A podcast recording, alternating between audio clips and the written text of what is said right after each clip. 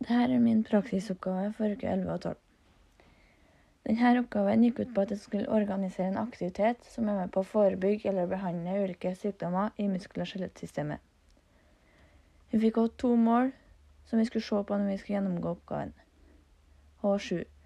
Gjør rede for de vanligste tegn og symptomer på sykdommer og skader og gjenkjenne sykdomsforverring. Og Y4 og diskutere betydninga av tverrfaglig samarbeid og helhetlig pasientforløp. Brukeren jeg valgte å ha med meg, hadde ingen kjent muskel- eller skjelettsykdom, men det er viktig å forebygge mot dette fordi muskel- og skjelettsystemet består av skjelettet og skjelettmusklene.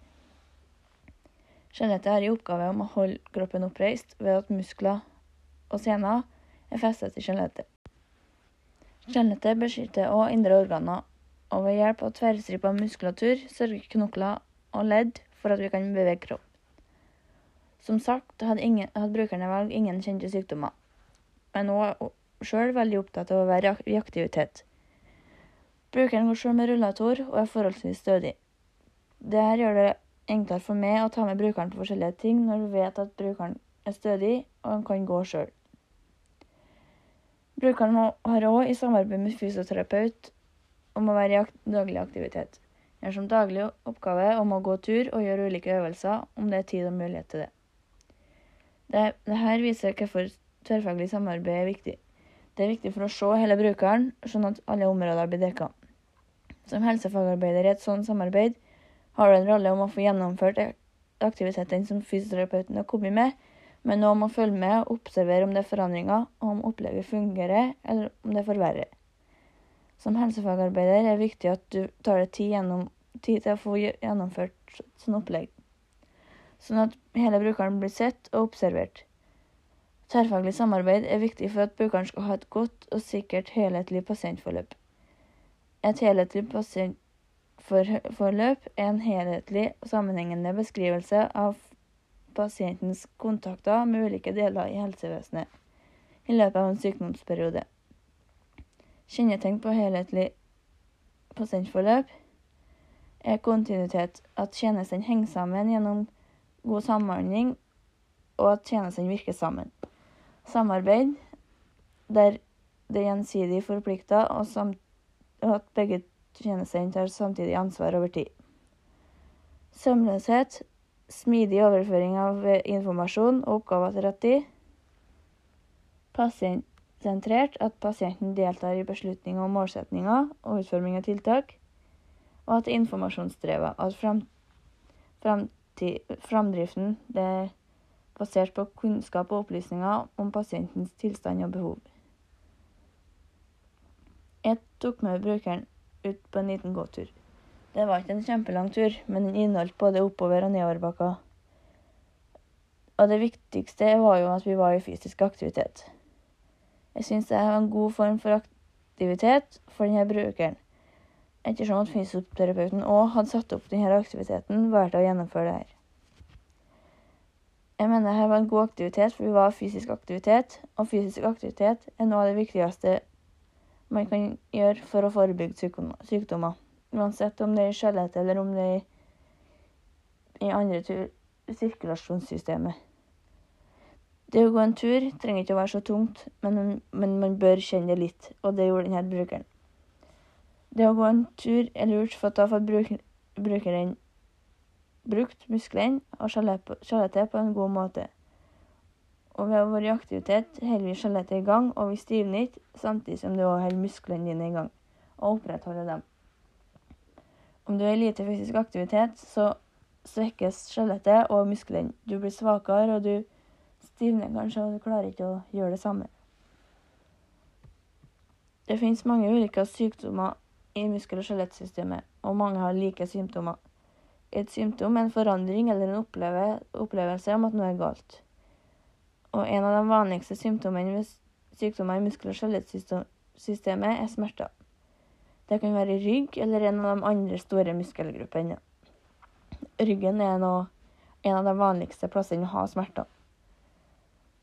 Og en av de vanligste behandlingene det er å være i fysisk aktivitet. Og det å holde kroppen i gang, men på riktig måte. Behandling er jo tiltak som er igangsatt for å hindre eller å fjerne symptomer eller årsaker til sykdommer. Altså, nå skal jeg snakke litt om en diagnose som er leddgikt, og hvordan du kan forebygge den. Leddgikt er en autoimmun, autoimmun sykdom, og en autoimmun sykdom men der immunforsvaret angriper sine egne celler, at det er immunforsvaret som sjøl ordner sykdommen. Og leddgikt, eller autoimmun sykdom, som først angriper leddhinna, men nå etter hvert bene og brusk som gjør at bevegeligheten blir verre, og du blir stiv og får vondt i fingre eller andre store ledd. Prognosen på leddgikt varierer. Mange må leve med livet ut, og at det kan til slutt angripe forskjellige organer.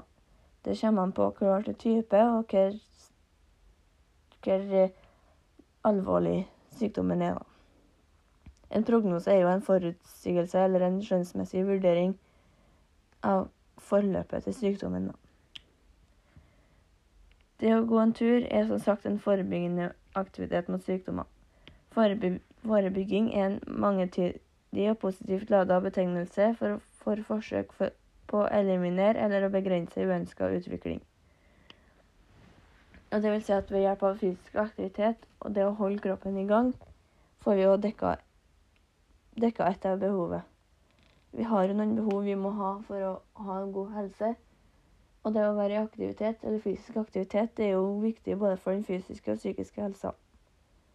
Om du sitter mye inne og ikke klarer å være fysisk aktiv, så går det både utover den, det fysiske på det, det med kroppen, men òg på det psykiske.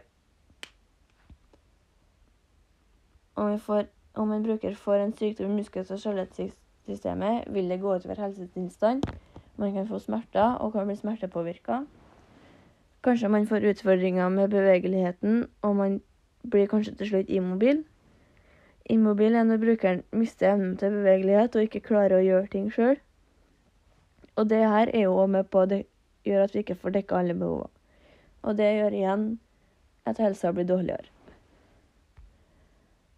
Altså til oppsummering, da, så vil jeg for å kunne ha en god helse er det viktig å opprettholde musklene og skjelettet. Og det gjøres, kan gjøres enkelt ved aktiviteter som f.eks. å gå tur eller å kaste ball.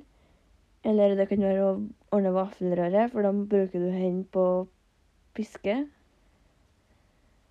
Og det å være i fysisk aktivitet er forebyggende og lindrende. Ved hjelp av et godt tverrfaglig team får man dekka alle behovene til brukeren og man får lagt en plan for, for forebygging og aktiviteter. Et tverrfaglig team er jo der for å sikre et god, helhetlig pasientforløp, og det er jo med på å hjelpe brukeren gjennom, da. Det er som en, som en helsefagarbeider så er det ganske godt å ha et tverrfaglig team rundt seg, for da har du noen du alltid kan støtte deg på. Du har noen som kanskje vet bedre om ulike temaer enn det du gjør. Og så, sånn er det jo med et tverrfaglig team at vi er gode på hver sin ting. Og det gjør jo at vi ser hele brukeren, og at vi klarer å få dekka alle behovene. Og når du er et tverrfaglig team, så er det viktig at du klarer å samarbeide. Du klarer å respektere, og at du klarer å høre på hva andre har å si. Og tenke gjennom hva det er du sier sjøl, og hva den andre personen sier. Jeg er alltid alt fornøyd med denne aktiviteten, og det virka det òg som brukeren var. For den brukeren er glad i å gå tur og glad i å være fysisk aktiv. Brukeren kjente på kroppen at den hadde vært ute, og det var positivt. Vi snakka om viktigheten med å være fysisk aktiv, og at det er godt for kroppen å komme seg ut. da. Dette var jo en enkel aktivitet, og en aktivitet som brukeren hadde fra før. Men jeg syns det er en veldig viktig aktivitet, og at det å gå tur Det trenger ikke å være så langt, og det trenger ikke å være så tussig, men du er ute, du får brukt kroppen, og du får òg lufta hodet. Og det er veldig viktig for at helsa di skal være god, da. Og som sagt så blir jo helsetilstanden dårligere om du får en sykdom. Og da er det jo viktig å forebygge det her på en god måte, sånn at du kanskje opprettholder helsetilstanden du har, sånn at du klarer å leve bedre i hverdagen, da. Takk for meg.